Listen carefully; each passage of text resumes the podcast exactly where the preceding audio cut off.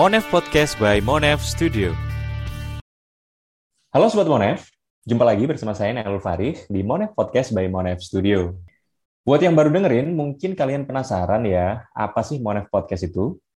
Jadi, Monef Podcast merupakan kanal diskusi dan pembelajaran monitoring dan evaluasi atau Monef dalam konsep ngobrol santai dengan pembahasan materi yang up to date tentang konsep dan praktik Monef dalam pembangunan.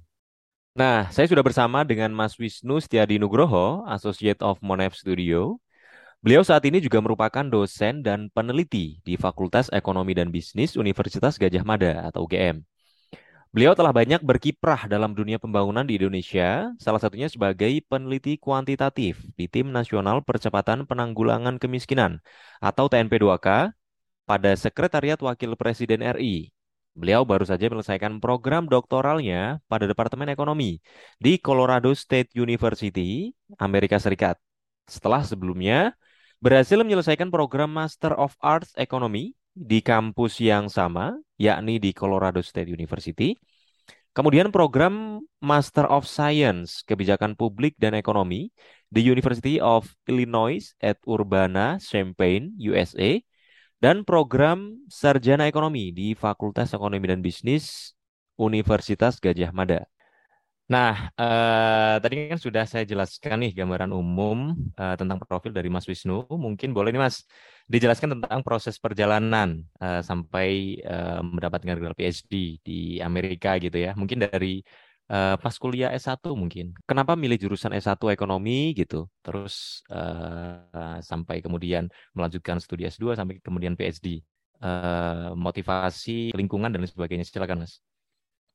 Ya, terima kasih Mas Nailul. Uh, salam jumpa buat teman-teman semua di dari Moni Studio.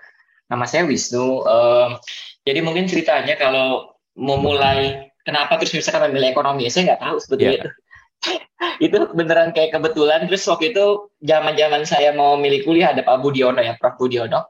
Oh Pak Budiono. iya betul. Itu kemudian mantan oh, wakil presiden ya? Mantan wakil presiden. Oh ini kemudian dia di UGM kemudian dia kayak uh, kelihatannya misalkan sangat smart ya sangat pintar terus tapi penjelasannya sangat baik dan dan kalem gitu. Ketika kita lihat di TV ya dari pemerintahan waktu itu Pak Budiono masih di Bank Indonesia kalau nggak salah singkat saya. Oh masih Bank Indonesia oke. Okay. ya nah waktu itu terus kemudian ah, udah coba saya coba di uh, ilmu ekonomi UGM gitu. Karena uh, saya lihat ada manajemen akuntansi saya nggak terlalu suka akuntansi waktu itu dan manajemen kakak saya udah manajemen gitu udah ambil manajemen. Jadi kayak mungkin ya sibling rivalry apa persaingan antar saudara oh nggak mau ah sama kayak kakak gitu kan. Ini gitu. Terus kemudian akhirnya end up daftar yang ilmu ekonomi gitu di, hmm. di UGM dan Biar kebetulan sama dengan kakaknya kakak, gitu ya. betul. Jadi terus somehow keterima gitu keterima. Jadi dulu kan kalau UGM punya mas sekarang masih ada ya yang ujian mandiri ya. Ujian hmm. mandiri UGM yang hampir sama kayak SBMPTN jadi nggak ada bedanya kalau zaman dulu zaman saya nggak ada beda di UKT apa pun. Pokoknya UGM punya ujian sendiri hmm. uh, sebelum sebelum dulu sebelum SBMPTN sebelum SNPTN jadi paling pertama. Jadi ujiannya hmm. kalau nggak salah bulan Februari atau Maret gitu. Dan keputusannya bahkan dikasih bulan Mei Pak April lebih awal pokoknya intinya. Lebih awal ya. Iya nah keterima. Ya udah saya nggak mau pusing pikir SMPTN malesnya seorang anak muda zaman dulu kan. Ah, udah keterima UGM udah. Udah saya nggak mau ujian-ujian lagi saya langsung ambil gitu. langsung aja. Ya nah kebetulan terus kemudian ya menjalani kuliah itu enjoy gitu dalam artian banyak dosen-dosen inspiratif. Dulu dosen saya ada Bu Deni ada Pak hmm. Elan gitu yang kemudian bikin saya ya udah kayaknya ini nggak bukan bukan pilihan buruk berkarir situ. Apalagi kemudian di hmm. S1 saya dapat beasiswa dan kemudian bekerja sama dosen-dosen itu gitu dalam artian hmm riset apa kemudian project gitu. Hmm. yang kemudian uh, kayaknya ngerjain ini seumur hidup menyenangkan juga ya nggak nggak nggak nggak bosan gitu. Kayak akan kebayang misalnya kalau ke kantor tiap hari 9 to 5 duduk di duduk di kantor di, di meja yang sama meja gitu. yang sama pekerjaan yang sama. Sementara kalau researcher atau academician itu kayak benar-benar tiap semester bisa beda tiap bulan uh, bisa bisa kayak kerjain ini kerjain X iya, gitu ya kemudian bisa kadang saya, ke ke pulau mana gitu ke daerah exactly, mana gitu, ya Ya, iya, dan yeah, yeah. dan memang waktu itu kan oh kayaknya seru juga apalagi sering travel ya. Dulu saya bilang sebelum umur 30 saya harus kunjungin semua pulau-pulau besar Indonesia gitu. Dan kesampaian gitu karena karena kerja ya karena kerjaan itu. Yeah. Itu yang itu yang kemudian bikin saya oh ya ini kayaknya this is this is like a good job for lifetime. Saya pikir kayak gitu. Uh, ya, kayaknya Anda terus udah passionnya di situ Mas ya. Passionnya di situ ketika gimana ya kalau kita punya passion itu pekerjaan jadi walaupun kadang-kadang pusing juga ya kadang-kadang ada ada momen yang susah tapi kita tetap bisa enjoy di situ hmm. karena memang oh, ya kita um, mengalami bahwa ya enaknya gitu di situ. Hmm. Kemudian ya ikut sempat setelah lulus saya kan banyak kerja di kampus cuman terus kayak terus kayak kalau di kampus dia saya perlu networking yang lebih luas gitu dibanding kampus makanya terus kemudian diajak Pak Elan kemudian daftar juga di TMP 2K yang tadi Mas Nail cerita di Sekopres. Oh iya iya. Hmm. Ya, uh, tapi waktu itu sebenarnya lucunya adalah saya di hire World Bank bukan di hire TMP 2K. Jadi World Bank hire saya oh. ditempatkan di TMP 2K gitu. Oh Jadi, gitu. Jadi iya. uh, individual consultant ya? Iya, dananya dana World Bank. Tapi terus mm-hmm. akhirnya beberapa nggak nggak nggak sebentar lama akhirnya kedua, tapi dengan dengan pendanaan yang beda-beda kan memang biasa kayak gitu konsultan ya. Mm-hmm. Jadi uh, di situ terus berpikir ya udah master, mulai cari master, mulai cari sekolah sama kayak Mas Nailo sekarang prosesnya tuh kayak ada kebutuhannya kayaknya butuh updating gitu kan, butuh yeah. butuh tambahan pengetahuan. Ya udah mau cari sekolah dan um, saya berapa kali jadi kalau orang bilang mulus-mulus aja sih hanya ngeliat yang udah selesainya gitu ya. Iya. Saya saya ber, berkali berkali-kali kali di reject beasiswa di reject sekolah itu biasa gitu. Jadi kalau uh. kalau ada orang yang terus oh langsung terima Harvard Oxford saya pikir bagus banget pintar banget nih orang karena saya berkali-kali juga sekolah lamar sekolah lamar beasiswa ketolak dan sama setelah udah hmm. setahun setengah kali ya di TMP 2K saya lamar beasiswa Amerika. Satu beasiswa waktu dulu saya lamar kalau nggak salah CAD gitu ya, um, ya yang keterima malah tiga gitu. Jadinya jadi Amerika kalau Amerika punya beberapa siswa gitu seperti Australia apa uh, Eropa. Nah mereka tuh saling hmm. sharing gitu. Butuh butuh kandidat mereka akan sharing oh ini ada kandidat bagus dia akan sharing ke beasiswa lain. Jadi saya ditawarin tiga beasiswa itu tinggal pilih ada yang Georgia oh ditawarin mas ya Iya ditawarin ada tiga tinggal pilih. Jadi mau mau ngambil yang CAD yang saya lamar atau mau ngambil yang State yang jadi langsung ke kampusnya, nggak boleh pilih hmm. kampus lain sama kemudian yang uh, terakhir tuh yang uh, saya lupa um, apa tapi namanya pokoknya ya hampir sama tapi akhirnya saya hendak di saya di gitu saya di project gitu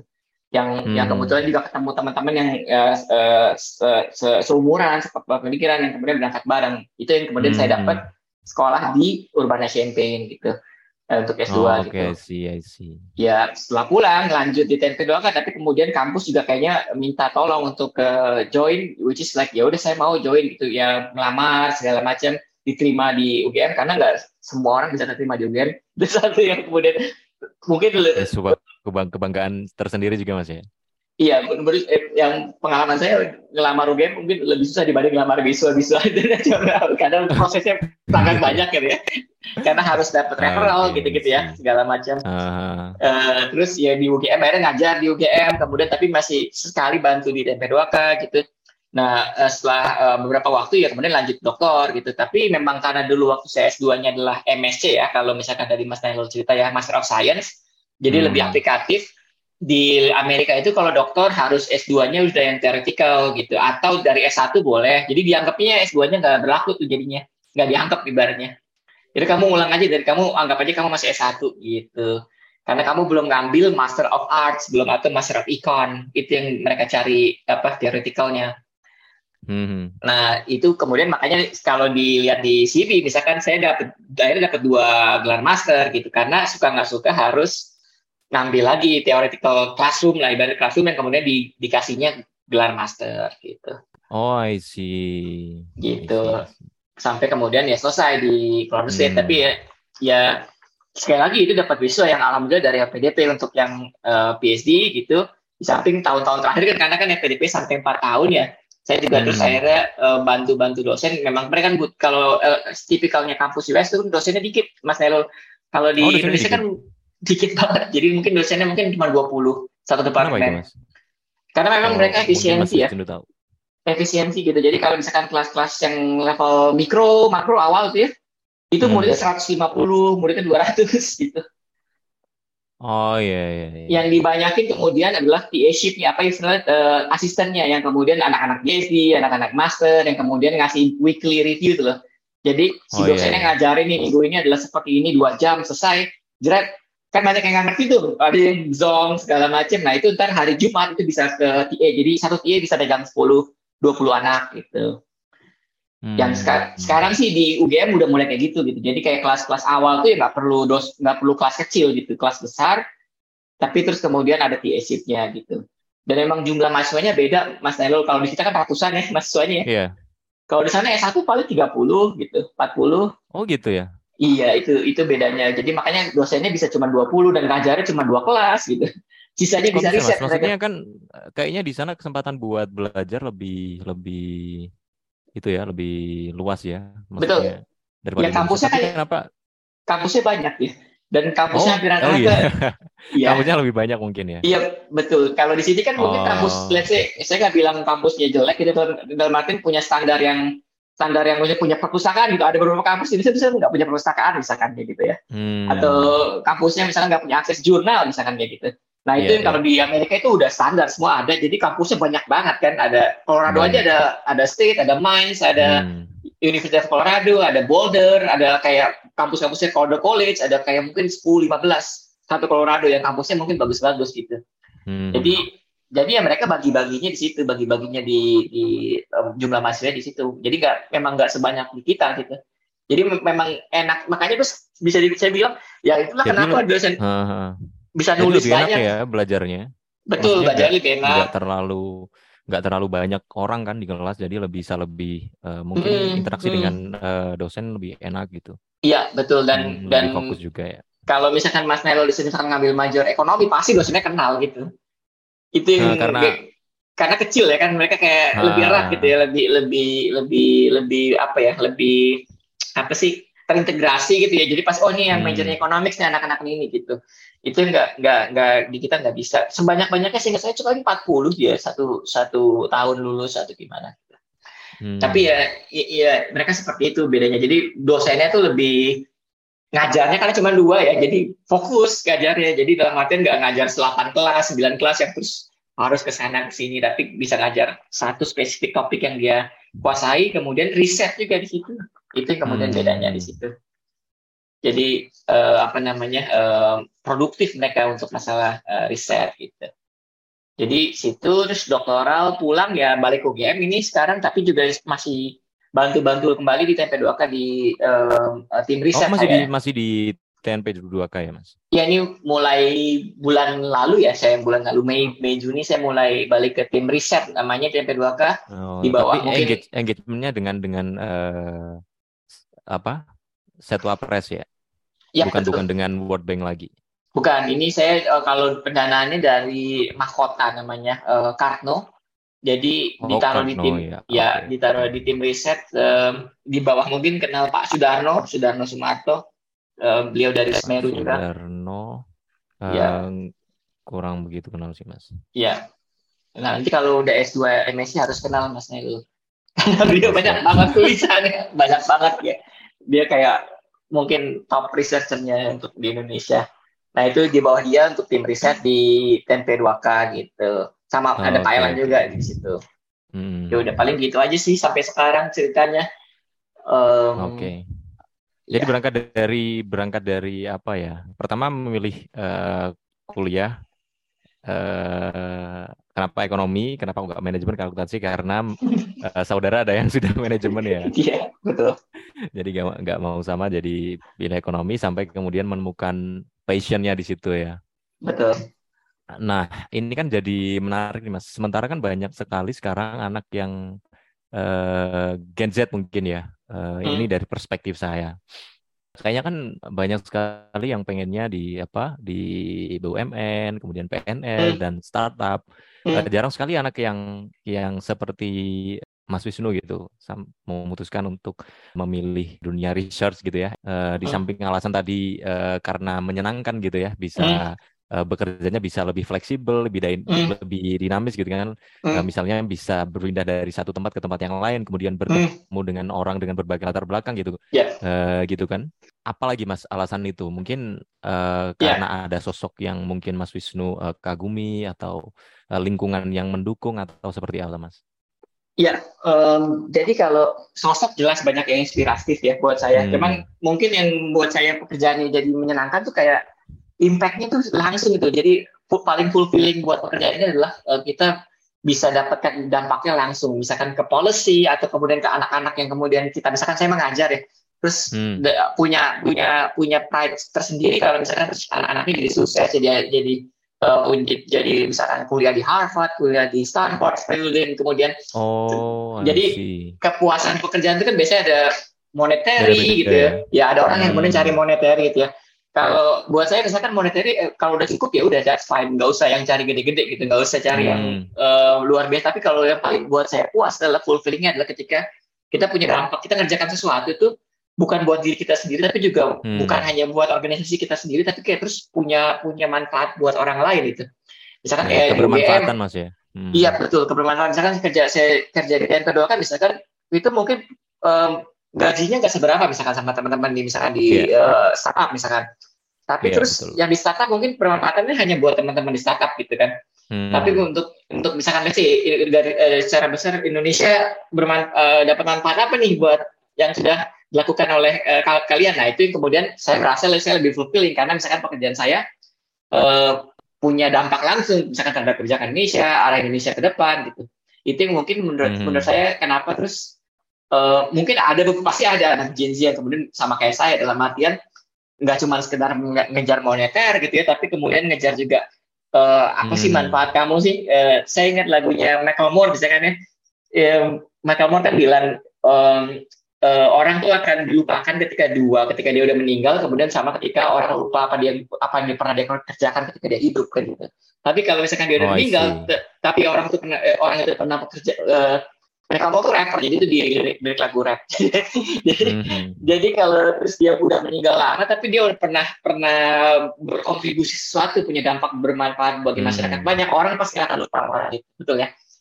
Tapi betul betul uh, betul, betul banget nah itu betul itu yang kemudian yang yang kedua itu yang kemudian saya kejar. Jadi let's say sebelum saya mati saya punya satu kontribusi punya manfaat buat orang banyak. Itu yang kemudian kenapa kerjaan ini saya pilih Oke oke. Jadi lebih kepada uh, way of life dari Mas Wisnu lebih ke kebermanfaatan gitu ya. Jadi Mas Wisnu betul, menemukan uh, tujuan hidupnya, uh, kita hidup di dunia ini mau apa sih gitu. Terus hmm. legacy apa yang mau ditinggalkan gitu kan. Exactly, legacy. Oke oke oke. Ini mungkin jadi poin penting ya buat Gen Z sekarang gitu. Kayak gak, gak sekedar buat apa gaya-gayaan gitu kan. Kayak Gen, Gen Z kan kan kan kayak umur sekian harus punya tabungan sekian gitu umur sekian harus sudah punya mobil dan lain sebagainya gitu kan yang berseliweran di Twitter kalau masuk mengikuti sih. Karena saya juga pusing gitu kayak kayak, kayak ada yang wah umur 25 kalau nggak punya tabungan 100 juta gila gitu. Aduh ini apa ya ini kayak uh, mungkin penjelasan dari Mas Wisnu bisa menjadi salah satu pencerahan ya buat uh, Gen Z kita semua bahwa hidup bukan sekedar untuk mencari materi tapi uh, kebermanfaatan apa yang bisa kita berikan dan uh, legacy apa yang bisa kita tinggalkan gitu Mas Wisnu ya. Betul. Oke, sangat inspiratif. Uh, mungkin kita langsung ke pertanyaan selanjutnya Mas Wisnu ya. Ya. Uh, tadi yang seperti dijelaskan Mas Yuna kan berpengalaman sebagai evaluator kuantitatif. Uh, yeah. Salah satunya di Tim Nasional Percepatan Penanggulangan Kemiskinan atau TNP2K. Betul. Pada saat Pres RI ya. Pada saat itu Mas Wisnu mengerjakan evaluasi dampak untuk BSM ya, bantuan siswa miskin. Benar? Ya, betul. Hmm. Ya. Nah, mungkin bisa diceritakan sih Mas uh, terkait pengalaman pada program uh, tersebut gitu. Mungkin ada beberapa ya. hal menarik yang bisa diceritakan Silakan ya. Mas. Ya dulu saya uh, di situ sebenarnya banyak banyak ininya banyak tugasnya crunching data banyak data. Jadi kita merging data BSM sekarang hmm. udah jadi kartu Indonesia Pintar atau program Indonesia Pintar ya KIP PIP. Oh itu itu cikal bakalnya uh, turunannya ya. Betul kan dulu uh, eh, BSM itu kan uh, programnya Pak SBY tapi kemudian ah. Pak Jokowi nggak nggak suka karena ada kata miskinnya di situ kan. Jadi, oh gitu. Iya, Ada jadi mungkin faktor politik juga masih. Saya nggak tahu, tapi beliau kan juga dia kan waktu kampanye kan juga memang memang kartu, ya? menawarkan ya? kartu kan, kartu ya, kartu, kartu, gitu ya. Jadi waktu itu jadi kartu Indonesia Pintar. Jadi cikal bakalnya BSM berubah jadi kayak kartu Indonesia Pintar seperti itu. Nah hmm. kita sih meneliti sebenarnya efeknya BSM itu seperti apa gitu. Nah, hmm, dampaknya uh, ya. Dampaknya gitu. Karena kan dia un un unconditional ya. Jadi mungkin kalau misalkan review sedikit ada cash transfer atau dana transfer itu kan ada dua kalau di policy. Yang kondisional seperti PKH. Jadi kalau kamu dapat kalau kamu melakukan kegiatan A, B, C, kamu akan dapat dana. PKH itu seperti itu kan. Kalau kamu ke posyandu, kamu hmm. sekolah, itu kamu baru dapat dana. Cash transfer namanya conditional cash transfer. Nah, BSM ini unconditional dalam artian asal kamu di sekolah, kamu orang miskin, kamu dapat seperti itu dapat dana per semester. Itu mak maksudnya tujuannya buat bantu anak itu ketika di sekolah. Walaupun sebenarnya karena unconditional dananya pun mau dibeli, dibeli, dibeli apa pun itu nggak masalah gitu. Ada misalkan temuan kita misalkan dibelikan rokok buat bapaknya dibelikan minyak goreng sama ibunya itu nggak masalah. Kita nggak pernah mempermasalahkan di situ e, dari pemerintah. Tapi memang tujuannya hanya membantu aja anak-anak miskin ini biar tetap di sekolah gitu. Dan insentif lah ibaratnya. Kalau masih di sekolah dapat hmm. dana ini Nah, tapi memang karena dananya nggak uh, kondisional buat apa-apa, kita nggak nemukan efek yang uh, uh, dampak yang misalkan signifikan kecuali peningkatan konsumsi. Tapi yang kemudian jadi krusial adalah yang yang kita temukan waktu itu, walaupun ini nggak belum belum publish ya karena memang waktu itu kan ah. potong sekolah segala macam, uh, bahwa uh, timing menerima BSM itu jadi penting karena kan misalkan gini nih Mas Nail kan bersekolah biasanya mulai bulan Juli ya, Juli anak SD SMP ya, SMA mulai betul. Nah kalau misalkan dia nggak terima nerima bulan let's say Agustus atau menerima bulan Juli, itu biasanya nanti bisa jadi putus sekolah gitu. Karena apa? Karena misalkan kalau kalau dia nerima di awal, misalkan mulai bulan Mei, Juni, Juli, Agustus dia dia kan daftar sekolah nih, daftar sekolah nih. Ketika hmm. dia tahu, oh saya akan terima BSM nih, saya akan terima BSM ketika saya sekolah dan langsung dikasih BSM ya. Di awal-awal dia mulai bersekolah, itu dia akan terus akan stay sekolah gitu. Tapi ketika terus dia nggak terima itu di awal, let's say dia nerimanya baru bulan Desember, itu ke kemungkinan enroll, kemungkinan daftar sekolah, atau kemungkinan dia stay di sekolah akan kecil. Itu kemudian jadi kenapa policy misalkan harus timingnya harus penting. Nggak bisa nunda-nunda nih, misalkan ada hal-hal yang kemudian nggak bisa tunda. Misalkan kayak contoh timing penting itu misalkan pas kemarin pandemik ada uh, sembako gitu ya, ada misalkan subsidi listrik itu segala macam kalau hmm. tadinya dia entar-entar gitu, misalkan kadang-kadang eh, kebijakannya oh entar aja deh nunggu nunggu kita punya dana tahun depan misalkan gitu. Yeah, itu yeah. keburu orang-orangnya misalnya udah keburu sakit, keburu meninggal gitu karena misalkan kena covid atau nggak punya pekerjaan, nggak bisa nggak bisa hidup dengan layak lagi. Jadi memang salah satu temuan kita di BSM itu bukan sekedar jumlahnya, bukan sekedar tipe bantuan yang mau conditional, unconditional, hmm. tapi kapan diberikannya juga penting. Apalagi misalkan untuk kapan? masalah, oh, ya kapannya uh, uh, apa namanya apalagi masalah sekolah kan. Sekolah kan ada timing timing itu kapan dia misalkan harus beli hmm. baju baru misalkan beli seragam baru. Kan nggak bisa ditunda-tunda tuh nggak bisa. Misalkan kalau dia harus beli seragam bulan Juli nggak mungkin dia lima bulan uh, Desember dia akan bisa beli kan? Ibaratnya gitu ya. Itu yang kemudian hmm. jadi penting. Kapan dia kapan dia tahu dia menerima BSM penting. Kapan dia menerima uangnya penting. Gitu. itu yang kita temukan di situ. Itu kemudian itu kita bilang evaluasi dampak gitu dalam artian Uh, kita nggak kalau kalau evaluasi outcome ya outcome-nya mungkin berapa banyak enrollment-nya, berapa banyak gitu ya, berapa anak sekolahnya hmm. gitu. Ya. Dia aksen hmm. aksennya seperti apa, tapi yang kita lihat adalah lebih dari itu beyond that. Evaluasi dampak itu akan mengukur uh, long term effect-nya gitu. Uh, konsep secara konseptual tuh long term effect. Jadi kayak ada nggak perubahan perilaku ketika ada treatment itu, treatment BSM hmm. Terhadap uh, keluarga anak itu atau anak itu sendiri. Nah itu seperti itu. Itu makanya kita lihat bagaimana timingnya itu ketika dia menerima itu akan berpengaruh terhadap uh, perilakunya dalam artian apa perilaku apakah dia masih di, akan lanjutkan sekolah atau masih di sekolah ketika terus di bulan atau semester berikutnya. Oh gitu. Yes. Oke. Nah ada tantangan nggak mas uh, selama uh, menjalani proyek itu, khususnya sebagai oh. peneliti kuantitatif dalam menjalankan uh, evaluasi dampak tantangannya apa pada saat pa itu? Pasti dong. pasti. Jadi kadang-kadang tuh kita punya idealisme bahwa kita punya research question ya biasanya seperti itu ya. Kita uh. punya pertanyaan riset A, B, C. Cuma pertama biasanya ada nggak datanya itu dulu satu. Kadang-kadang kita oh kita punya pertanyaan bagus banget gitu, kita desain bagus, metodologinya bagus, datanya nggak ada. Itu yang paling sering di Indonesia karena kan negara kita negara berkembang ya. Kita uh, akui BPS sudah ber, uh, sudah sudah baik gitu ya tapi kemudian aksesibilitas datanya gimana? Karena kan ada beberapa data BPS mikro bayar ya, Susena, Seknas bayar kan. Itu nggak semua orang bisa bayar gitu ya. E, Podes juga harus bayar dan nggak murah gitu, nggak murah kalau bagi orang Indonesia gitu. Saya kemarin buat riset S3 misalkan saya spend 37 juta, 40 juta. Tapi kan karena disupport dari PDP, disupport dari e, dana riset, dapat bisa beli data itu. Cuman kita bayangkan misalkan yang nggak nggak dapat gitu kan, itu nggak bisa akses semuanya itu satu.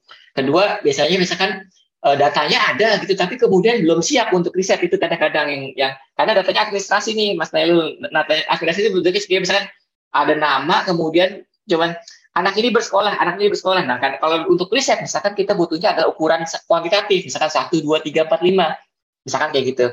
Anak ini rajin bersekolah tidak rajin. Nah kategori rajinnya itu di, di skor berapa gitu? Ngerti nggak maksudnya? Kayak kayak kita butuh nah itu kemudian kita harus ubah dulu kan kita ubah dulu. Kita harus harmonisasi bahwa si surveyor ini bilang rajin atau admin, admin data admin ini bilang rajin tuh kategorinya berapa? Lima apa tiga gitu. Itu yang kemudian jadi tantangan juga. Kemudian sama gimana kemudian men mendapatkan cita-cita? Misalkan kita kan biasanya selain kualitatif jadi kualitatifnya ya. Kok ada yang di daerah misalkan Jawa Barat ini kok kecil gitu apa penyerapannya gitu. Itu kemudian yang kadang data kuantitatif kita cuma duduk di meja itu nggak bisa lihat gitu. Kita harus datang ke lapangan. Itu kemudian kita datang ke lapangan kita tanya apa gitu. Misalkan oh ini lebih sedang menikah gitu dibanding sekolah ya terus nggak gimana mau gimana lagi kan? Mau dikasih BSM mau dikasih insentif banyak apa pun kalau udah maunya nikah ya nikah gitu kan. Itu yang kemudian uh, uh, jadi tantangan juga gitu bahwa kadang kuantitatif itu juga cukup. Dalam artian lihat data di laptop lihat uh, variabel nggak nggak selesai gitu.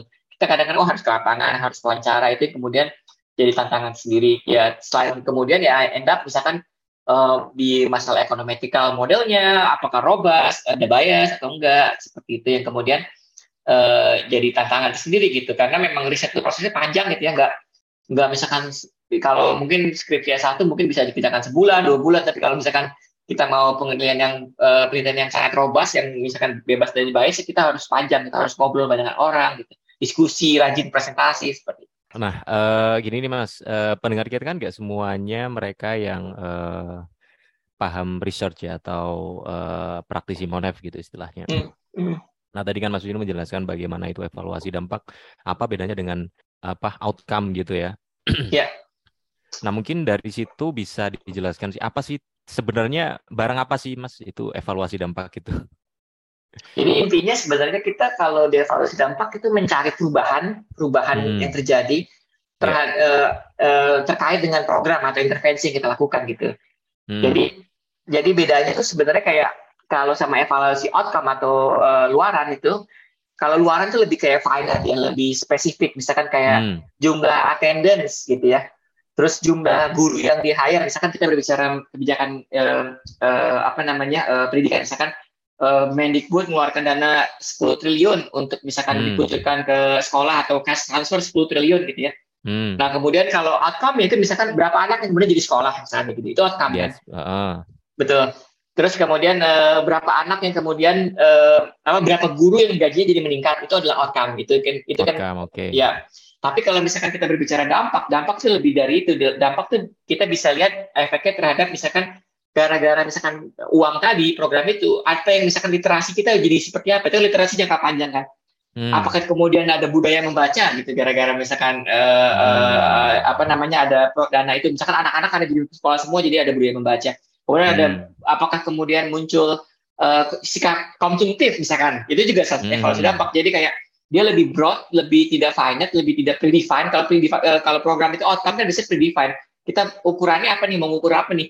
Attendance kah? Atau kemudian um, masih masih nyambung ya? Tadi sempat Chris.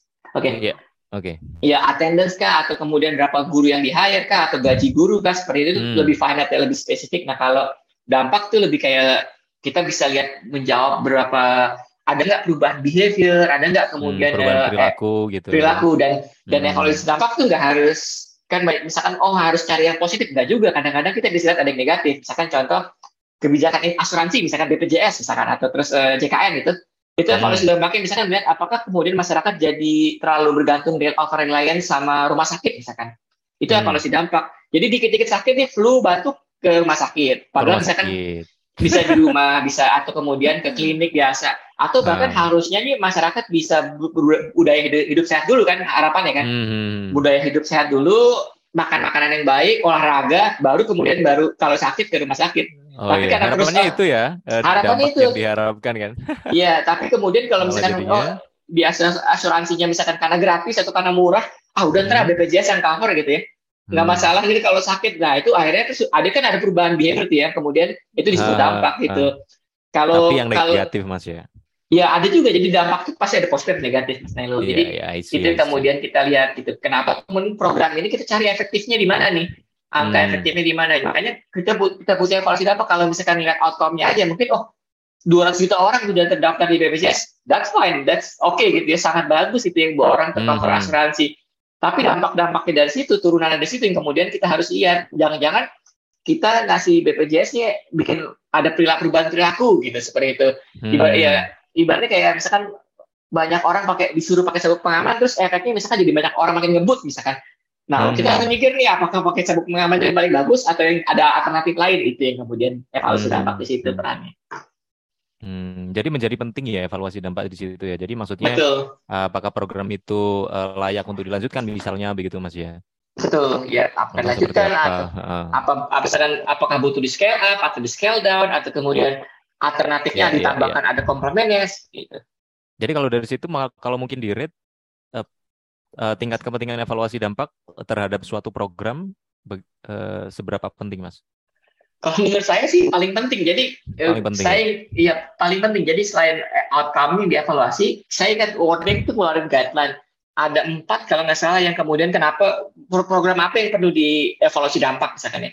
Sehingga hmm. saya kalau nggak salah pertama ketika programnya ada inovasinya itu kalau ada inovasi misalkan oh oke okay, dia dia ngasih cash transfer baru dengan misalkan menggunakan HP itu kan inovasi tuh atau cash transfer dengan menggunakan rekening bank itu kan inovasi nah itu kemudian harus dievaluasi tuh apakah dengan dengan dengan menggunakan HP itu itu akan berubah pola hmm. behaviornya gitu ya orang jadi lebih hmm. konsumtif atau, atau apa pun. Terus yang kedua, sehingga saya World Bank bilang, misalkan ini programnya baru pertama, pilot program ibaratnya. Hmm. Jadi belum ada, sebelum ini nggak pernah ada program seperti itu, kemudian mereka bikin, kemudian itu perlu evaluasi dampak. Hmm. Yang ketiga, misalkan programnya butuh di scale up atau direplikasi di daerah lain. Misalkan di Jakarta punya nih, kemudian mau direplikasi Jawa Timur, nah itu kemudian butuh evaluasi dampak dulu. Butuh evaluasi sebelum, dampak, oke. Okay. Sebelum ke Jawa Timur. Karena apa? Karena ketika terus kalau ada program X, terus ada perubahan perilaku yang bikin negatif, ngapain kita replikasi ke tempat iya, lain? Iya, replikasi ya. Exactly, seperti itu. Nah, itu yang kemudian harus kita lihat gitu. Yang ke, yang terakhir tuh biasanya kayak uh, ada ada resource yang ada resource yang lebih uh, resource yang besar ketika melakukan program itu dan itu untested dalam artian tadi mungkin program baru terus kita harus mengeluarkan dana misalkan 10 triliun 30 triliun hmm. dan itu kan uang nggak nggak nggak nggak sedikit, sedikit ya. ya betul dan gak ketika uang itu ya sedikit nah kalau ketika terus kita mau program ke arah situ kita evaluasi dampak dulu nih kita mau ngeluarin uang banyak, kita yang kecil dulu nih, kita evaluasi dampak, efeknya seperti apa. Hmm. Jadi takutnya ada negatif aspeknya, kemudian hmm. ada bisa ada rejection dari masyarakat itu yang kemudian uh, apa namanya jadi penting. Di samping kemudian hmm. tambahannya selain empat tadi, uh, ketika terus kebijakan kita mempengaruhi terhadap uh, keputusan policy, misalkan tiba-tiba gara-gara uh, kebijakan kita undang-undang uh, akan berubah misalkan kayak gitu, atau misalkan okay, okay. Uh, um, uh, apa namanya tadi kayak misalkan BPJS kan tuh pol, jadi polisi penting ya. Jadi oh semua orang harus punya asuransi itu kan sangat krusial. Hmm. Makanya kemudian butuh evaluasi dampak. Kenapa? Karena masyarakat Indonesia ke 10 tahun, 50 tahun ke depannya akan berubah nih pola pikirnya nih. Sekarang udah ngerti hmm. asuransi, tahu asuransi. Sebelumnya kan kalau bayar ke rumah sakit orang pocket selalu bayar cash gitu. Yeah, nah betul. sekarang ada asuransi ini akan berubah semuanya. Nah itu kemudian kita harus evaluasi dampak juga. Itu kemudian hmm. makanya kalau dilihat dari 4 plus 1 tadi hampir semua program khususnya pemerintah itu perlu evaluasi dampak ya. Perlu evaluasi dampak ya. Iya, kalau misalkan terus uh, kebijakan di lingkungan kampus pun kalau misalkan ketika oh kita bikin inovasi di misalkan di FEB di tempat saya ada fingerprint gitu. Hmm. Itu harusnya kan inovasi tuh evaluasi dampaknya seperti apakah masih jadi rajin masuk atau rajin masuk tapi tidur di kelas kan gitu kan jadi kan nggak tahu tuh karena iya, kadang-kadang kalau masih saya harus akui misalkan masuk kan banyak kegiatannya nih kalau di kelas saya misalkan eh, waktu ngajar saya selalu bilang kamu kan punya tiga kali nih bolos, ya udah bolos aja nggak usah nggak usah kamu datang ke kelas terus malah oh, gitu ngapain. Ya? Iya, rather dan tidur di kelas malah ganggu temennya yang mau belajar. Udah ambil aja jatah bolos gitu. Nanti kalau misalkan eh. ada kuis, ada apa, tinggal kita bicarakan di belakang. Kita, kita susulan segala macam boleh. Itu oh, aduh. itu polisi saya. Gitu. Mas Wisnu bakal jadi uh, dosen dosen idaman nih buat kita sekarang. Kalau disuruh tapi ya ya intinya kan sebenarnya kan kalau kalau saya sebenarnya hmm. lebih ke hmm. arah kalau kamu melakukan sesuatu either 100% atau jangan sama sekali dia kayak gitu jangan setengah-setengah kalau oh, setengah-setengah tuh malah kita dap nggak hasil yang nggak dapet terus malah ganggu temennya misalkan ya gitu yang yeah, yang mau niat belajar oke okay. that's the point gitu oke okay. oke okay. gitu. jadi uh, kebayang ya seberapa penting dari evaluasi dampak itu. Nah, tapi yeah. kan iya. kemudian uh, apa ya? Ini mungkin uh, isu atau pendapat, opini dan sebagainya ya. Ada yang mengatakan bahwa evaluasi dampak itu mahal. Mahal gak sih mas emang? Kalau mahal tuh jadi kayak relatif ya. Kalau misalkan um, ya tergantung ya sih tadi kita bicara ya ada program 10 triliun. Terus ketika keluar dana misalkan 100 juta apakah mahal? Enggak juga sih sebetulnya kan gitu ya. Hmm. Tapi ketika programnya cuma 200 juta, terus harus keluar 200 juta, ya jelas mahal. Itu jadi makanya saya bilang mahal relatif. Seberapa relatif, ya? besar, hmm. ya seberapa besar misalkan uh, program itu akan butuh berjalan dan kemudian evaluasi dampak seberapa persen presentasinya dari hmm. dari oh, program itu. Itu okay. jadi makanya saya bilang relatif kalau anda punya program 10 triliun ya ngeluarin duit 500 juta harusnya fine karena apa? Karena nggak nggak sampai sepersen di worth it. Worth it ya. Uh, iya, hmm. karena nanti ke depannya Anda punya guideline kan, Anda punya kayak oh roadmap yang jelas gitu. Uh, akan seperti apa dibanding terus harus kayak punya 10 triliun tapi jalan dalam gelap itu cuma pakai center kecil gitu. Yeah, kan betul, resikonya akan terjungkal lebih tinggi gitu. Yeah, Dan yeah. kemudian juga kita harus lihat uh, mahal apa enggaknya tergantung misalkan pilihannya gitu kan. Evaluasi dampak tuh banyak Mas Ayu. Hmm. RCT mungkin yang paling gold standard uh, random control trial mungkin bisa nanti uh, uh, kalau perlu ditanyakan lebih jelas boleh tanyakan itu hmm. paling mahal biasanya karena apa butuh butuh butuh kayak simulasi kecil dalam artian kita kasih program yang sama tapi dalam skala yang lebih besar itu makanya jadi mahal ya RCT. Tapi kan ada hmm. program-program hmm. lain atau jenis evaluasi dampak lain seperti kuasa eksperimen misalkan menggunakan hmm. data sekunder, menggunakan tadi data susunas, sakenas, ada kemudian menggunakan data podes itu kemudian bisa kita lakukan juga itu kemudian ya da, da, anggarannya dari mana ya dari hanya beli data aja beli data sakenas sakenas podes gitu tadi kayak misalkan datanya 40 juta 50 juta kalau punya dan uh, punya punya program satu triliun nah jelas nggak mahal kan kayak gitu hmm. itu yang kemudian tinggal pilihannya ya mau pilihan seperti apa uh, nanti kemudian kebutuhannya seperti apa itu kemudian kita bisa lihat mahal apa enggak kalau menurut saya kalau kebutuhannya besar ya nggak nggak jadi mahal gitu hmm. uh, evaluasi dampak gitu. Walaupun memang ada yang bilang kayak oh mahal banget ya RCT ya pas eh, karena kalau mau RCT mahal tapi kan ada pilihan alternatif lainnya gitu. Hmm. Ada kuasa eksperimental gitu. Hmm. I see. Gitu. Saya juga setuju sih. Uh, maksudnya kan kadang uh, untuk uh, sebuah sebuah program kan selain waktu dan juga kan biaya kan, Mas. Betul, nah, betul. Nah, ya. daripada uh, program itu selesai, kemudian uh, kita tidak tahu seberapa jauh dampaknya, apakah layak untuk dilanjutkan dan sebagainya. Hmm. Ya, seperti yang dijelaskan oleh Mas Wisnu tadi, misalnya nilai proyeknya 10 triliun, kemudian untuk melakukan evaluasi dampak butuh uh, 500 juta misalnya ya, sangat hmm. untuk dilakukan ya. Oh, betul. Nah, tadi kan juga Mas Vino menyebutkan ada beberapa jenis uh, apa evaluasi dampak ya, salah satunya Betul. RCT ya, yang disebut Betul. sebagai uh, gold uh, gold standar. Tadi, Mas? Uh, gold, gold standar. Stand, ya. Nah, mungkin jelaskan Mas uh, uh, lebih uh, lebih jauh lagi uh, terkait uh, jenis-jenis evaluasi dampak, kemudian RCT kenapa disebut sebagai uh, gold standard? Betul, oke. Okay. So kalau secara garis besar tadi mungkin Mas Nelo sempat bahas saya kuantitatif gitu. Ya. Jadi kalau evaluasi dampak tuh biasanya ada dua, kualitatif dan kualitatif kan kayak gitu. Kalau kualitatif oh, saya nggak iya. ya saya nggak saya nggak bisa cerita lebih banyak, tapi metodenya lebih ke arah uh, interview segala macam ya, living hmm, in, living ini ya, gitu ya, observasi. Jadi kayak misalnya ada beberapa teman saya yang bahkan kayak tiga bulan, lima bulan tinggal di desa itu yang diintervensi, terus mereka dia mencatat tiap hari kayak bikin diary gitu hmm, loh. Uh, uh, komunikasi seperti apa nah itu kualitatif tapi kalau di kualitatif biasanya cuma dua bagian yang satu RCT, uh, RCT. Uh, RCT, kedua adalah kuasa eksperimen gitu. Kuasa eksperimental. Ya, ya. ya.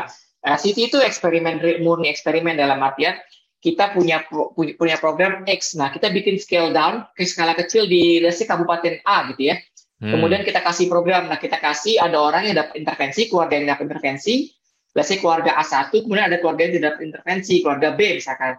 Nah, hmm. kemudian kita lihat nih dampak perubahannya dalam dalam waktu lima bulan, enam bulan gitu. Secara secara acak tuh dipilihnya karena apa? Karena harus random dengan random content trial ya. Jadi secara acak dipilih uh, A, A dan B-nya harus dipisah. Kemudian kita lihat ada nggak efeknya si A, terus kemudian dibandingkan sama si kontrafaktual ya. Kontrafaktual itu yang pembanding ya. Jadi si B tadi yang nggak ada program gitu. Hmm. di kabupaten itu. Itu kenapa jadi mahal dan karena prosesnya panjang. Kita harus ngasih hmm. bantuan dulu di awal. Terus kita kasih treatment, berarti kasih treatment di awal. Kita pilih si A dan B-nya siapa. Kemudian memastikan si A B ini nggak berantem gitu ya karena bisa jadi kan karena oh saya dia kok dapat saya dapat bantuan kita nggak dapat nah kadang-kadang makanya suka ada kalau kita minjem istilahnya kedokteran ada aduh apa namanya sih placebo kita kasih placebo, placebo si B okay. jadi si B ini nggak dapat apa-apa sebetulnya nggak dapat uh. got nothing tapi kemudian dia kayak placebo aja nah kemudian kita lihat di di awal program masih Januari kemudian kita lihat di Januari tahun depan efeknya hmm. terhadap konsumsi terhadap apa pun yang kita mau lihat ya itu makanya iya, waktunya yeah, yeah. panjang butuh orang banyak gitu ya. karena apa butuh survei gitu kan butuh uh, butuh wawancara yang diwawancara bukan sekedar si A dan si A aja nih yang dapat program tapi B juga kan gitu kan. Hmm. Karena kita butuh pembanding itu kemudian jadi kenapa jadi mahal. Terus kemudian uh, kita butuh uh, skalanya juga kadang-kadang nggak bisa misalkan hanya kabupaten, misalkan kita butuh kabupaten pembanding lainnya juga. Kenapa? Karena misalnya kita end up di Lamongan misalkan. Oh, hmm. gara-gara banyak tukang uh, dagang jadinya beda nih sama yang misalkan Jakarta yang bukan banyak tukang dagang, dagang misalkan kayak gitu. Jadi hmm. kita harus punya variasi-variasi yang kita cover di situ. Jangan sampai apa uh, punya kecenderungan kecenderungan kabupaten atau daerah tersebut itu mempengaruhi hasil hasil ini kita hasil uh, evaluasi kita gitu. Makanya kemudian jadi mahal tuh. Kita butuh hmm. berapa daerah kita butuh banyak uh, responden rumah tangga kita butuh butuh banyak orang untuk survei dan kita butuh uh, waktu yang panjang gitu. Itu artikan kenapa jadi gold standard? Ya karena kita bisa langsung tahu nih pembeda nih. Mana yang kena treatment mana yang nggak kena treatment dan kita bisa langsung pantau gitu itu jadi gold hmm. standard hmm. uh, City kenapa itu jadi kayak benar-benar tahu bahwa ini efeknya karena program A gitu ya yeah, ya yeah. ya sementara yang di sisi lain yang kuasa eksperimen itu biasanya mereka kita gak kita gak random tuh karena kan biasanya program itu nggak bisa di random ya mas Nailul ya dalam artian pemerintah ini punya program kalau Vietnam jahat pemerintahnya sebetulnya gitu oh, kan. ada kode-kode yang ada kode etik ya. betul ada kode etik bahwa ini orang miskin nih mas orang miskin nggak dapet gitu sementara yang orang kaya karena Vietnam dapet gitu ya nggak hmm. mungkin kan? Nah itu kemudian kita nggak bisa pakai RCT karena bukan sekedar karena mahalnya. Oh, I see. Tapi ada ethical ethical concernnya bahwa oh, ini harusnya orang miskin duluan yang dapat nggak mungkin orang kaya dapat yeah, duluan yeah. gitu. Ya. Nah itu karena kayak gitu berarti kita harus spesifik orang yang nggak bisa kita random ya kita hmm. dapat nah tapi kemudian kita akali dalam artian kan biasanya program itu kadang-kadang nggak semuanya roll out secara instan betul ya? Pasti hmm. ada waktunya. Nah, itu makanya ntar ada macam-macam. Ada RDD regression security kemudian ada facing out istilahnya kalau di RDD dalam artian oh ini Jawa biasanya dapat duluan nih atau misalkan Sumatera dapat duluan Papua atau Sulawesi nggak dapat duluan nih. Nah itu hmm. kemudian orang-orang yang di Sulawesi kita jadikan kontrafaktual itu menggunakan kuasa makanya kuasa dia. Itu nggak pure eksperimen semua kan dapat at ya. Tapi kan ada timing timing difference segala macam kemudian ada orang yang belum dapat itu bisa kita jadikan kita butuh kembali nih untuk evaluasi dampak ya. Yeah. mana yang dapat mana yang dapat program mana yang nggak dapat program nah itu kemudian menggunakan kuasa eksperimen ada difference difference di situ nanti bisa lihat orang yang dapat dua tadi dari Jawa Sumatera itu kemudian efeknya seperti apa? Compare misalkan orang yang belum dapat nih di program yang ketika kita evaluasi setahun uh, di Sulawesi kayak gitu. Itu namanya uh, kualitas jadi nggak nggak nggak semahal yang yang RCT yang butuh sendiri gitu uh, hmm. kegiatan itu sendiri. Tapi bisa ngikut ikuti programnya sendiri ngikutin programnya aja. Programnya akan diluncurkan. Kemudian oh kita kita kita akali dan adalah tanda kutip kita pakai misalkan roll out uh, roll out different different karena roll out uh, regression discontinuity jadi kayak membandingkan yang udah dapat duluan sama yang belum dapat duluan. Makanya tadi kayak BSM saya bisa pakai timing gitu. Hmm. Karena saya bisa ya, orang yang dapat belakangan ini bisa kejadian kontrafaktual dulu, baru kemudian saya masukin ke treatment ketika didapat gitu. Oh gitu. Jadi yeah. secara uh, pengaplikasian uh, eh, RCT tidak uh, bisa digunakan pada uh, semua program ya, maksudnya program yang dilakukan oleh pemerintah karena Betul. ada kode-kode tertentu yang harus uh, dipenuhi gitu ya. Yes. Nah, kita kan sudah punya Monepedia dan sudah sempat bahas itu, Mas, di pelatihan-pelatihan MS juga. Tapi sepertinya sulit. Nah, apa sih sesungguhnya di ID dan bagaimana pengaplikasiannya? Lalu manfaat buat para pelaksana dan penerima manfaat program itu apa sih, Mas? Jadi difference difference itu kayak kan biasanya kalau uh, orang misalnya teman-teman mungkin familiar misalkan dari evaluasi dampak before after ya Mas Nelul misalkan hmm sebelum saya dapat program dibandingkan sama saya sebelum uh, setelah dapat program. Misalkan saya sebelum dapat program, okay. let's say paling gampang saya dikasih intervensi sabun mandi misalkan. Terus ah. sebelum dapat program, misalkan saya mandi sekali sehari, setelah dapat program dua kali sehari. Itu kemudian before ah. after kan, ya. Iya, yeah, oke. Okay. Nah itu before after. Nah kemudian ada lagi namanya with without gitu. Kemudian saya dibandingin sama orang lain. Ada teman saya yang kemudian nggak dapat sabun mandi nih. Apa apa apa kemudian uh, ikutan seperti saya jumlah mandinya bertambah. Itu with without. Jadi bandingin hmm. antara orang yang dapat sabun mandi sama nggak dapat sabun mandi. Nah di ID itu sebenarnya kombinasi keduanya aja. Jadi kombinasi. dibandingin okay. ya dibandingin adalah saya dan teman saya overtime tadi itu di ID. Jadi kayak uh, ngurangi apa ibaratnya kayak saya sekarang mandi dua kali dia masih sekali. Jadi sebenarnya intervensinya difference in difference. Jadi perbedaan dalam perbedaan itu adalah hmm. misalkan satu kali mandi kayak gitu. Jadi mm -hmm. di IB itu kombinasi kedua jadi over time sama uh, over people, over over over object antar objek gitu. Jadi Hmm. makanya eh, di ID itu paling penting adalah kontrafaktualnya. Teman saya itu. Kenapa? Kalau ya pemilihannya salah gitu, itu jadi bias dalam artian kalau kita pemilih milih orang yang kemudian mudah terpengaruh sama orang lain, oh sekarang Wisnu mandinya dua kali, saya ikutan dua kali, walaupun dia nggak selalu mandi nih. Hasilnya apa di di di di end period atau di eh, akhir dapatnya zero kan, jadi kan oh nggak ada Hmm. efeknya dong sabun mandi gitu. Padahal tapi karena teman saya ini karena ibaratnya kayak is- istilahnya kalau di eh, evaluasi dampak spillover. Karena saya cerita nih, oh saya, saya mandi dua kali dulu sekarang karena dapat sabun ini gitu. Akhirnya dia ikutan Hmm. mandi dua kali, tapi ketika kita evaluasi dia kan zero kan ininya kan Hmm. impactnya. Nah itu kita pastikan bahwa si counterfactual itu jangan sampai kena spillover, jangan sampai kena informasi itu. Itu yang Iya, kemudian jadi agak agak agak sulit agak sulit pemilihannya. Kita butuh beberapa metode banyak. Ada kayak matching gitu lah macam-macam lah ya. Ada instrumental variable segala macam itu nanti ke arah metodologi dan ekonometri. Jadi lebih sangat detail, lebih teknis ya. Hmm. Tapi intinya adalah kita butuh kontrafaktual, kita butuh treatment, dan eh, kita harus bandingin dua dua ini. Itu itu dia di situ. Oke, oke. Oke, Mas. Pertanyaan selanjutnya. Nah, sepengetahuan Mas Wisnu nih, Ya. sejauh mana sih evaluasi dampak digunakan untuk mengukur keberhasilan suatu program di Indonesia? Oke. Heeh, sepengetahuan Mas Wisnu aja sih. Eh, jika masih minim, apa penyebabnya? Kemudian eh, kurangnya wawasan ataukah kesadaran atau apa? Nah, kira-kira nih solusi seperti apa untuk menutupi gaps tersebut? Eh, terlebih eh, tadi kan sudah dijelaskan eh, bahwa eh, evaluasi dampak sangat penting terhadap eh, suatu program gitu. Ya, em, kalau pengalaman saya di pemerintahan sebenarnya sekarang Mas Nelo arahnya sudah sangat baik dalam artian Hmm. banyak eh, kementerian, lembaga, kemudian ketika punya program mereka sadar bahwa kita butuh evaluasi dampak. Gitu. Karena apa? Karena memang sekarang pemerintahan sekarang atau kemudian eh, trennya sekarang bukan bahkan bukan di swasta juga ketika bikin kebijakan baru atau program baru, mereka butuh bukti dulu nih, mana buktinya. Jadi ibaratnya program atau kegiatan berbasis bukti kan. Nah, Hmm. biasanya buktinya itu kemudian dalam dikemas dalam evaluasi dampak gitu, nggak cuma outcome gitu. Jadi arahnya sebenarnya udah ke arah sana, tapi memang masih kurang dalam artian kenapa masih kurang? Karena kita nggak bisa dipungkiri kalau misalkan masalah anggaran mungkin bisa dianggarkan ya, tapi masalah kapasitas itu kan belum nggak bisa ya. Kita Hmm. harus rekrut orang-orang yang punya, punya visi atau kemudian punya punya pengalaman. Nah, salah satu misalkan untuk speed up-nya, misalkan yaitu hire-hire consultant gitu ya, Eh, atau misalkan kerjasama sama lembaga-lembaga yang misalkan kayak Monet Studio kan nih em, punya punya beberapa asosiat yang kemudian punya familiar dengan eh, evaluasi dampak, familiar dengan monitoring seperti itu, kemudian bisa kayak ngasih guideline. Jadi ada peningkatan kapasitas bisa dalam training, bisa juga dalam kerjasama. Misalkan kalau di TMP 2 kan misalkan banyak yang teman-teman yang eh, kayak tadi kemarin saya dibayar World Bank untuk di sana di set wapres Hmm.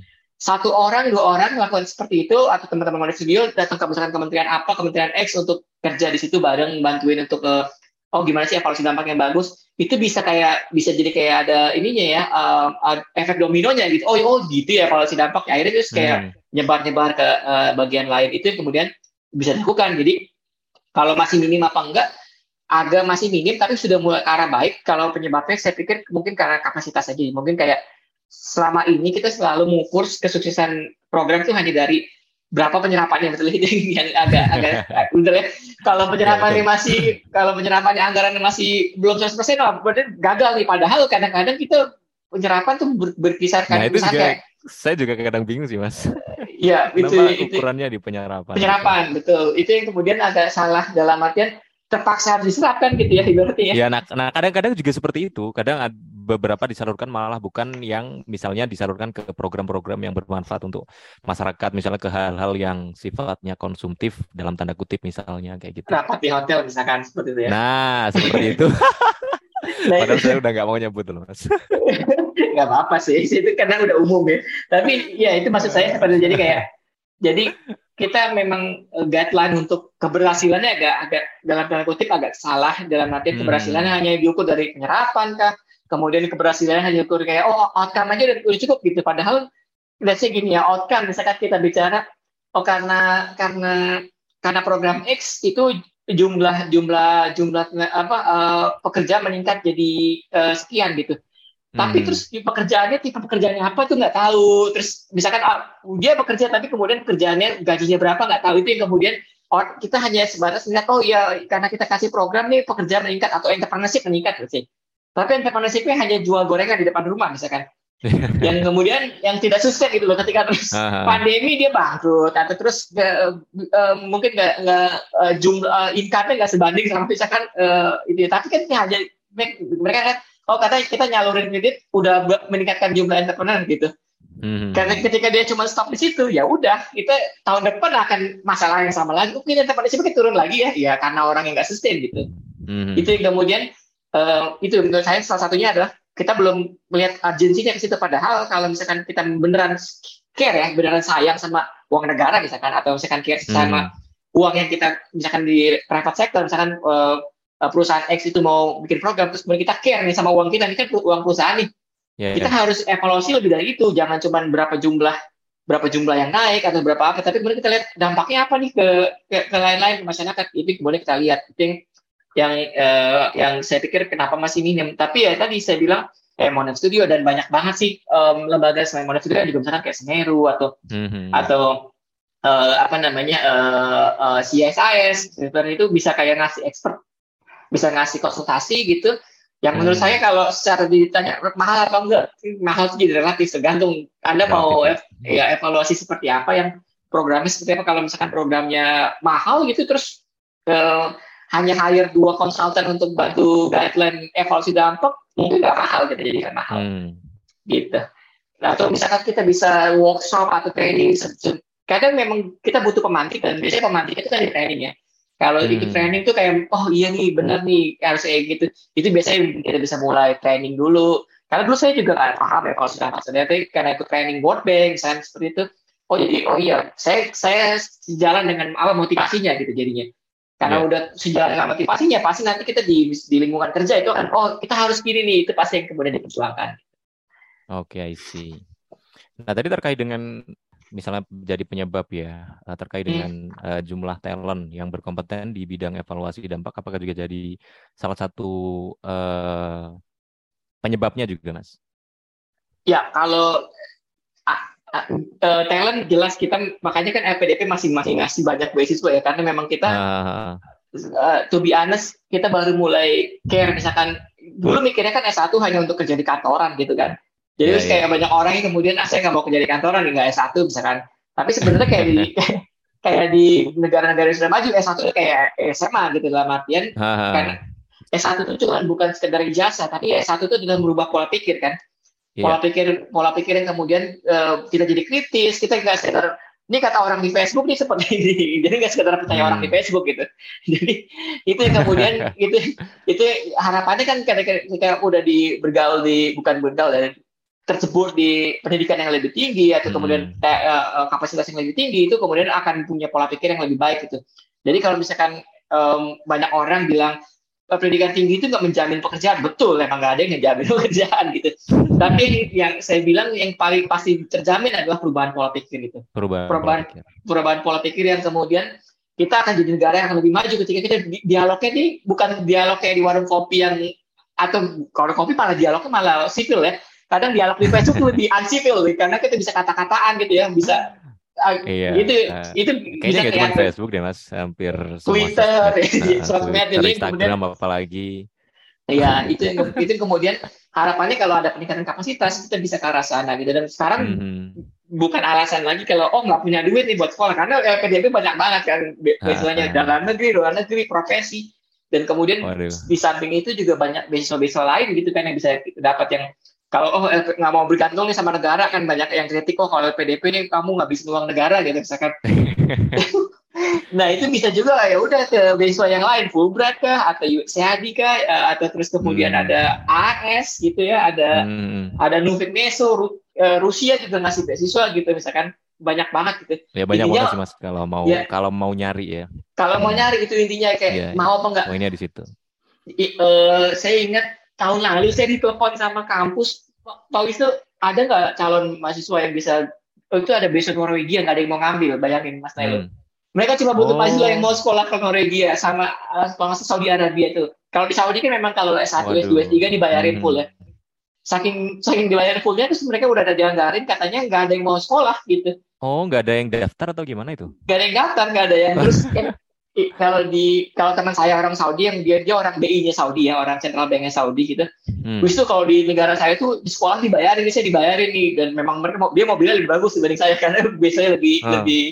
Teman permasalahannya adalah nggak ada mau sekolah karena apa? karena karena memang mereka kan dapat berkah banget ya kan negaranya yang hmm. kemudian melimpah selain minyak kan dia tiap tahun katanya kerja kata dia kalau Saudi itu kerja nungguin orang Indonesia datang umroh sama haji itu udah cukup ya, setahun katanya dengan jualan ya jualan oleh itu jadi jadi maka kata dia banyak yang nggak mau sekolah makanya dulu Saudi ngasih Norwegia ngasih tapi gak ada daftar.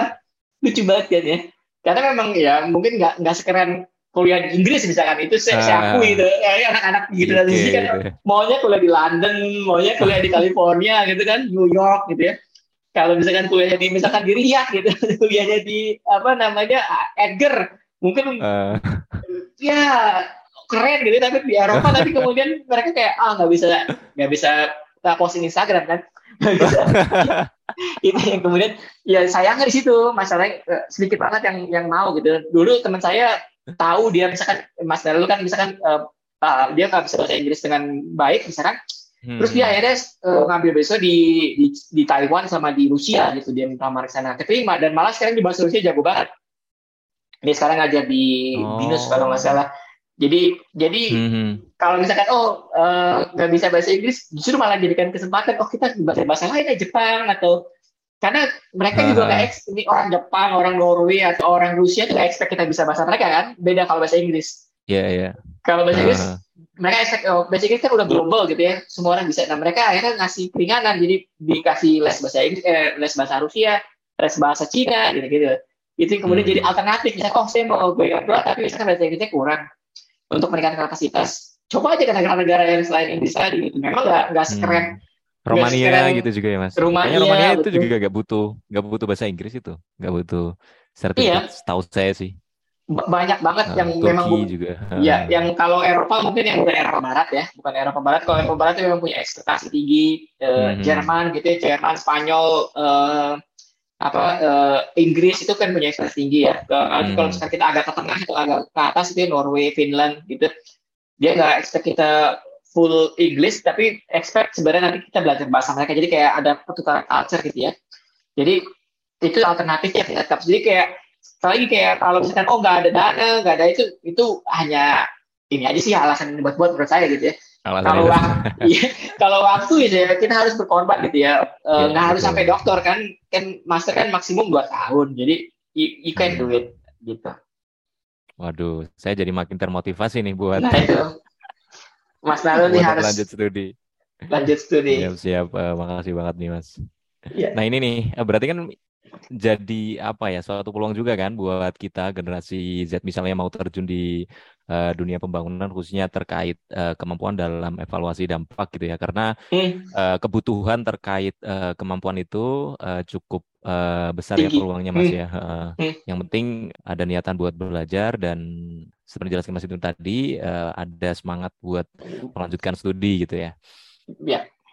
Oke, makasih banget nih uh, ya, Mas makasih. buat uh, sharing-sharingnya banyak banget poinnya yang udah uh, petik gitu ya. Ya. Uh, saya juga banyak banget insight yang uh, saya dapat dari Mas Wisnu.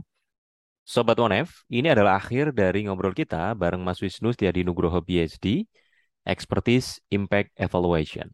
Sampai jumpa di Monef Podcast episode berikutnya. Terima kasih.